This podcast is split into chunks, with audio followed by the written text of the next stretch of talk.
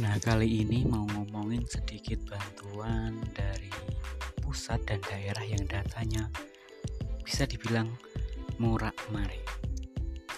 Terutama bantuan sosial tunai yang diberikan dari Kemensos selama tiga bulan yang digunakan adalah data lama dan kemarin kami dari pemerintahan desa juga sudah melakukan validasi dan verifikasi terhadap data-data yang dikirimkan.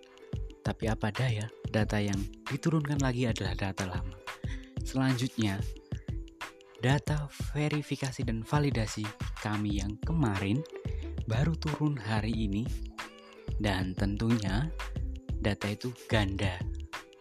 Jadi yang bingung bukan hanya masyarakat, tapi kami pun di pemerintahan juga bingung menyikapi hal tersebut.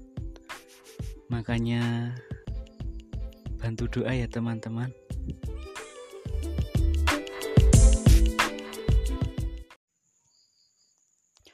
Berlanjut lagi tentang edaran dari Kementerian Desa dan Perumahan Tertinggal Republik Indonesia bahwasanya dana desa dapat digunakan untuk pemberian BLT bagi warga masyarakat setempat. Tentunya kami yang di daerah juga terlibat sedikit permasalahan dikarenakan apa? Dikarenakan data dari Kemensos dan data yang kami ajukan sangatlah berbeda. Tentunya kita nggak akan salah menyalahkan siapa yang salah, siapa yang benar. Tapi memang prosesnya lama dan sampai jumpa habis lebaran. Halo Sobat Bersinar, penambahan pasien positif COVID-19 di Kabupaten Klaten sangat mengejutkan. Ketua Gugus Tugas Percepatan Penanganan COVID-19 Kabupaten Klaten mengumumkan penambahan jumlah kasus COVID-19 pada Kamis 18 Juni 2020 ada penambahan pasien 15 pasien positif COVID-19 di Kabupaten Klaten. Di antara 15 pasien tersebut, sebanyak 14 orang dirawat di rumah sakit dan perdana satu orang meninggal dunia.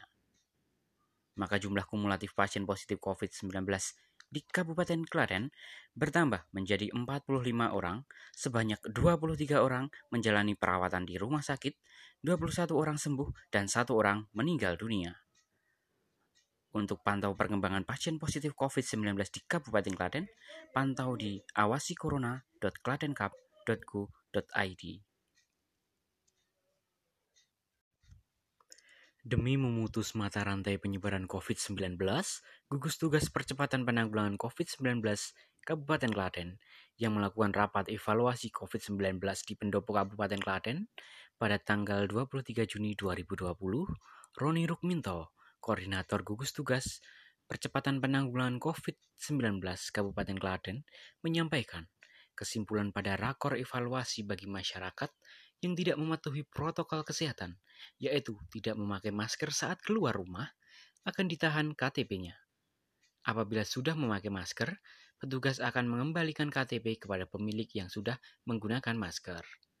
Kebijakan tersebut telah diambil pada saat rapat koordinasi dan evaluasi gugas PP COVID-19 Klaten yang dihadiri oleh Sri Mulyani, Ketua Gugus Tugas Percepatan Penanggulangan COVID-19 Kabupaten Klaten, Kapurles Klaten, Komandan Kodim atau Dandim 0723 Klaten, Ikatan Dokter Indonesia, dan seluruh jajaran yang tergabung pada gugus tugas percepatan penanggulangan COVID-19 Kabupaten Klaten.